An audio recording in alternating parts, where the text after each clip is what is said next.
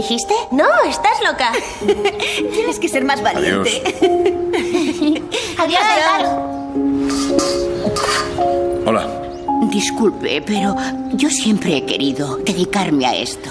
Jo també sempre m'he volgut dedicar a la ràdio, senyors i 50 senyors. Aquesta veu que sentiu eh, són els personatges, evidentment, doblats d'aquesta pel·lícula que aquests dies es pot veure al cine, que és una pastisseria a Tòquio, de Naomi Kawase, una directora que ens agrada molt a casa, Kawase, no sé com ho hem de dir. Andreu Meixide, bona nit. Bona nit.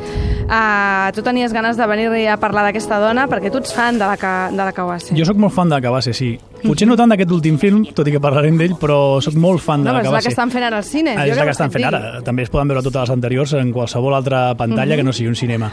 Explica'ns una mica, per qui no conegui la Naomi Kawase, com és aquesta dona, per què molen les seves pel·lis, aquesta directora japonesa, i per què són tan especials... Doncs és una directora món? Que té una trajectòria molt curiosa perquè, eh, com ja havia passat amb altres directors en el seu moment, segurament Truffaut sigui un cas, eh, té tota una trajectòria de pel·lícules molt personals, molt íntimes, més properes a la no ficció, més properes al documental, on ella és d'alguna manera el centre de la pel·lícula i la seva relació amb la seva família, amb el seu fill, amb la seva àvia, amb el seu pare que la va abandonar, però alhora també, paral·lelament, ha desenvolupat una carrera de ficció, de, carrera, de pel·lícules, d'històries, diguéssim, la majoria històries seves, aquesta última no, aquesta última pel·lícula està basada en una novel·la, i, i és igual d'interessant. Uh -huh. A mi no m'atrau tant aquesta altra vessant Mhm. Més de ficció. més A mi m'agrada ella explica la seva vida. Quan ella explica, però és un cinema més dur, també, Mhm. més directe, més críptic també, i molt més uh, metafòric, diguéssim, que queden les coses molt més en l'aire. Uh Mhm. -huh. les, de les seves pel·lícules de ficció, no. Normalment tenen una història que, si bé no és presentació nus de desenllaç, no és clàssic, no és tradicional,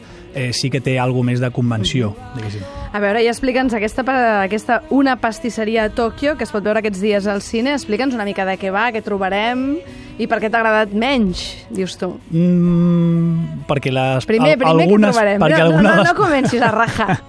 No vaig a Que rajar, que no vaig a rajar. No, no, ei, pots rajar, eh? En aquest programa no, pots no, fer el que no. vulguis. de base eh? no, perquè em sembla una de les mirades més interessants que tenim avui dia en el món del cinema. Eh, què trobarem amb la pel·lícula Una pastisseria a Tòquio? Trobarem... Oients, hauríeu de veure la llibreteta que porta aquí Andreu Meixide amb un Doraemon dibuixat. Arribarem al Doraemon, espero que arribem al Doraemon. És, l'objectiu de... Hauria de ser l'objectiu de qualsevol programa, acabar amb el Doraemon sempre. Ara estem buscant ja la sintonia de Doraemon per posar-me-la per sota, eh, que ho estic veient a la cara que se li està il·luminant a Josep Maria Marçà. Doncs mira, una pastisseria a Tòquio és, són bàsicament tres històries, històries eh, que es creuen en un únic punt. Aquest punt és un restaurant molt petitet que hi ha a Tòquio que es dedica a fer dorayakis, que uh -huh. són, ara sí entra Doraemon, aquelles galetetes eh, preferides de pasta d'arròs, no? Que dintre em sembla que... que tenen aquella mena... que es fan mongetes, sí, no? mongeta La pasta de vermella, aquella la mongeta vermella. amb un procés molt elaborat. D'això tracta la que pel·lícula. acaba sent dolç, encara que ara ens sentiu digueu... Mm. Acaba un sent pastís dolç. de mongeta?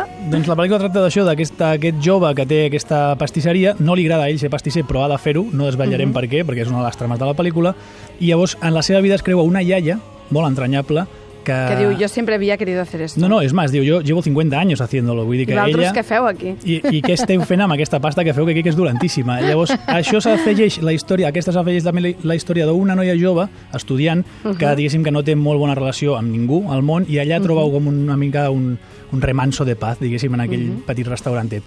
Uh, evidentment, no és per aquesta trama, per lo que és interessant la pel·lícula, és com sempre que a base té una manera d'explicar les relacions humanes i la relació amb la natura, també a través de la metàfora amb la natura, molt interessant, també en aquesta pel·lícula, tot i que li trobo que és una miqueta més convencional uh, fins i tot que l'anterior de Mhm. ficció que havia fet, que era la de Stillwater, i O sigui que tot és Ai- la que aigües potser t'ha agradat menys, però tot i així, si algú no ha vist mai una pel·li de la Naomi Kawase, li dius, home, vés-hi, no? Per, a, per al millor endinsar-te...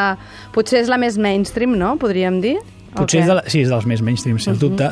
Passa que és un mainstream eh, entès no d'una manera comercial, sinó en claus... També s'ha de tenir una cosa, hi ha unes claus de salt cultural molt grans. Hi ha Ja. molts matisos de la pel·lícula que es Que prova segur aquí que ens perdem. estem perdent. Mhm. I, I, de fet, si la veiem doblada, molt probablement afegim molta més pèrdua perquè ja sabem que l'actuació dels japonesos i l'expressió dels japonesos de, de, de les seus sentiments passa moltes vegades pel silenci, pel com es, es diu una paraula, com Mhm. no, i això amb el doblatge normalment ho arrasem.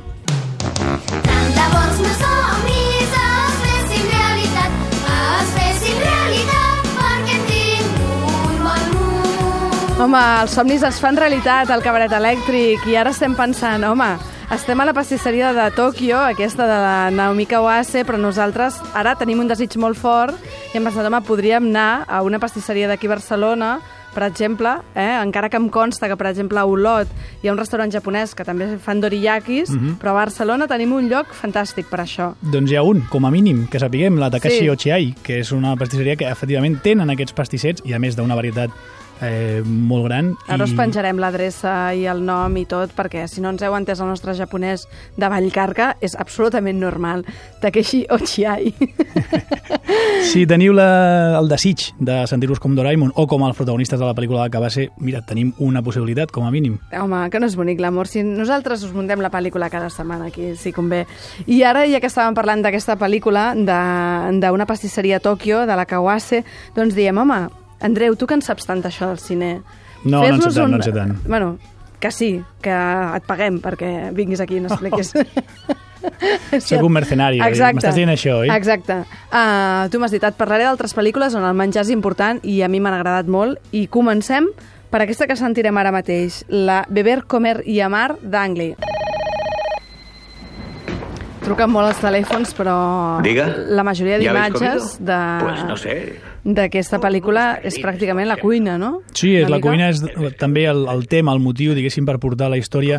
Eh, una mica com la pel·lícula de Cabase, no és l'objectiu, és com el McGuffin aquell que deia el, el, que deien el, el, el, el Hitchcock. Hitchcock, exacte, ara em sortia l'Orson Welles. Fixa't quin creuament de cables. Bueno, doncs, al bueno, tanto. al tanto, ojo, igual eren la mateixa persona. Igual, I, sí, I podrien arribar a ser la mateixa persona. exacte. La qüestió és que la cuina, com dic, és el fil conductor per presentar, en aquest cas, la pel·lícula d'Ang Lee, una història entre un pare i les seves tres filles, més joves, i al final es tradueix en una història entre dues generacions, dos èpoques, dos eh, tradicions. També una, el pare, evidentment, és molt més tradicional, també en la cuina, en com cuinar, les joves ja no ho són tant, ja són molt més modernes, modernes de l'anys 90, eh? la pel·lícula és no- del 96, el qual el modern que es veu allà és aquell que ens fa mal als ulls, Ja. ara d'aquelles jaquetes, Ah. aquells pentinats. No confondre amb la pel·lícula de Julia Roberts, eh? No, si us plau, no confondre Com amb... es deia la pel·lícula de Julia Roberts? Aquella de comer, reza, ama, algo així, comer, no, reza, no, no, ama. no, no, no, no confondre Beber, amb això. comer i amar. No volem parlar d'aquella pel·lícula de Julia Roberts, uh, ja ho ha fet mol molta gent. oblidat, ja. I sí, millor.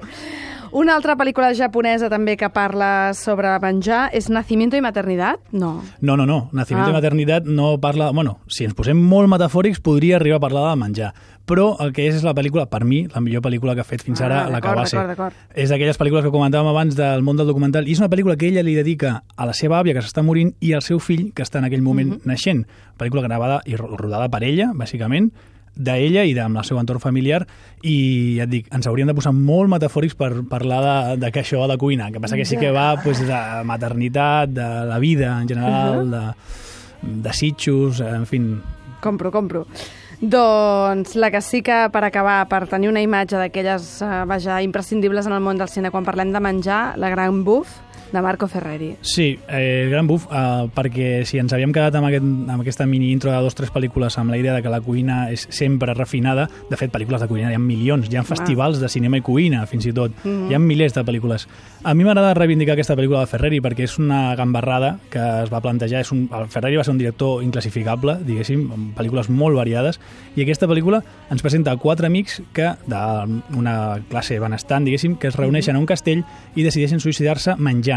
És a dir, no parar mai de menjar. I altres vicis també que es creuen pel camí, no només menjar. És una pel·lícula escatològica molt. és Molt a dir, loca. Molt, molt, molt loca, com dius, i a mi m'agrada molt reivindicar-la perquè la cuina no només és aquella cosa que ens presenta, per exemple, que va ser Mhm. fina, elegant, refinada, sinó que també pot ser algú brut i... i... Marranot. Marranot. Molt bé, doncs aquesta és l'actitud, marranots. Uh, oients, uh, fem un repàs de totes les pel·lícules de les que hem parlat amb l'Andreu. Doncs una pastisseria a Tòquio de la Naomi Kawase, també Nacimiento i Maternitat d'aquesta mateixa directora, Beber, Comer i Amar de Ang Lee i, evidentment, aquesta La Gran Buff per tacar-nos una miqueta més, no? Que està bé, també. A més, eh, el Nacimiento i Maternitat vam tenir la sort aquest diumenge de poder veure-la aquí a Barcelona pantalla gran, una altra vegada, perquè el, cinema, el cicle de mm, feminisme, com era? Del cicle del CSSB, que Jo es no deia... sé els títols aquests. que, es, de- que s'ha dit, sí, home, sí, jo he anat, que es deia Manifestos fílmics feministes, etc. Ahà. doncs ens ha, projectat la, la pel·lícula aquesta en pantalla gran, el qual és impressionant. Lujament. Veure el cine en ara ja pantalla és gran sempre ja està no molt podran bé. veure els oients, l'hauran de veure mm. baixar d'internet de qualsevol no, manera. no, està online amb- de Sí? maneres legals i també alegals, de, tota, de totes les maneres. Molt bé, Andreu, moltíssimes gràcies i fins aviat. Molt bé, gràcies a vosaltres. Adéu.